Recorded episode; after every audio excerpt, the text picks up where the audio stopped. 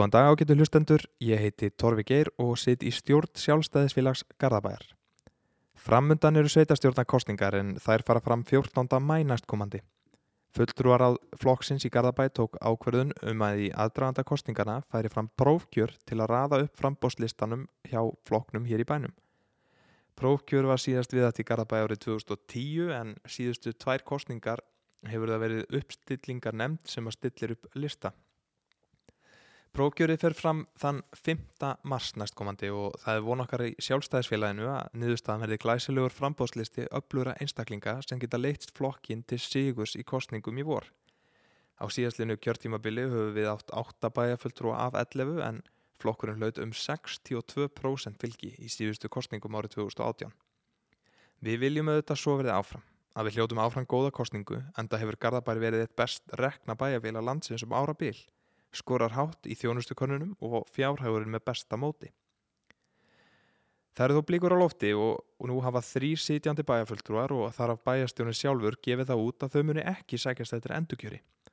Aug Gunnars Einarssona bæjarstjóra eru það þau Jóna Sæmundsdóttir og Sigurður Guðmursson sem að hveðja sviðið í vor og við kunnum þeim bestu þakkir fyrir samstarfið og fyrir sínstörf í þáu bæjarins síðustu árin.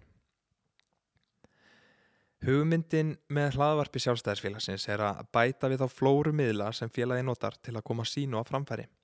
Hlaðvarpið munum við nota í bland við hefðbunda streymisfundi, fundi í félagsheimilinu og aðra útgáfu og tilgangurinn nú fyrir prófgjörið er að kynna frambjöðandur og gefa þeim öllum jafnan kost á að kynna sig fyrir okkur.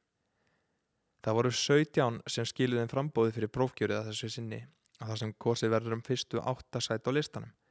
Þetta voru tíu konur og sjö karlar.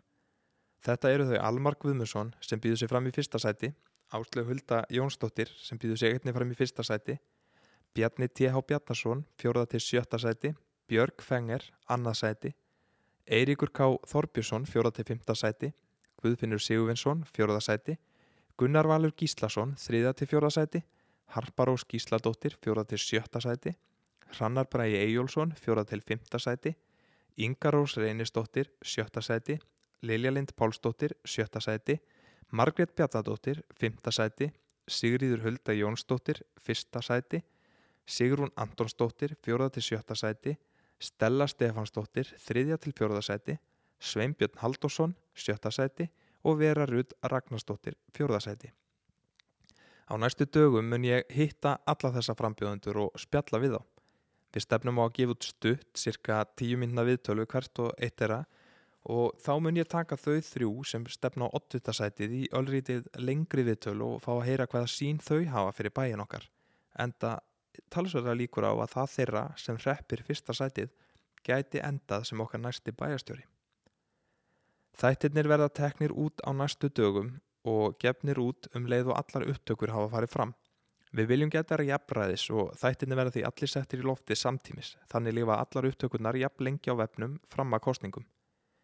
Við hlökkum til að kynast betur þessum upplugu frambjöðundum og hvetjum alla til að hlusta, lesa og kynna sér þá og auðvitað taka þátt í prófkjörunu 5.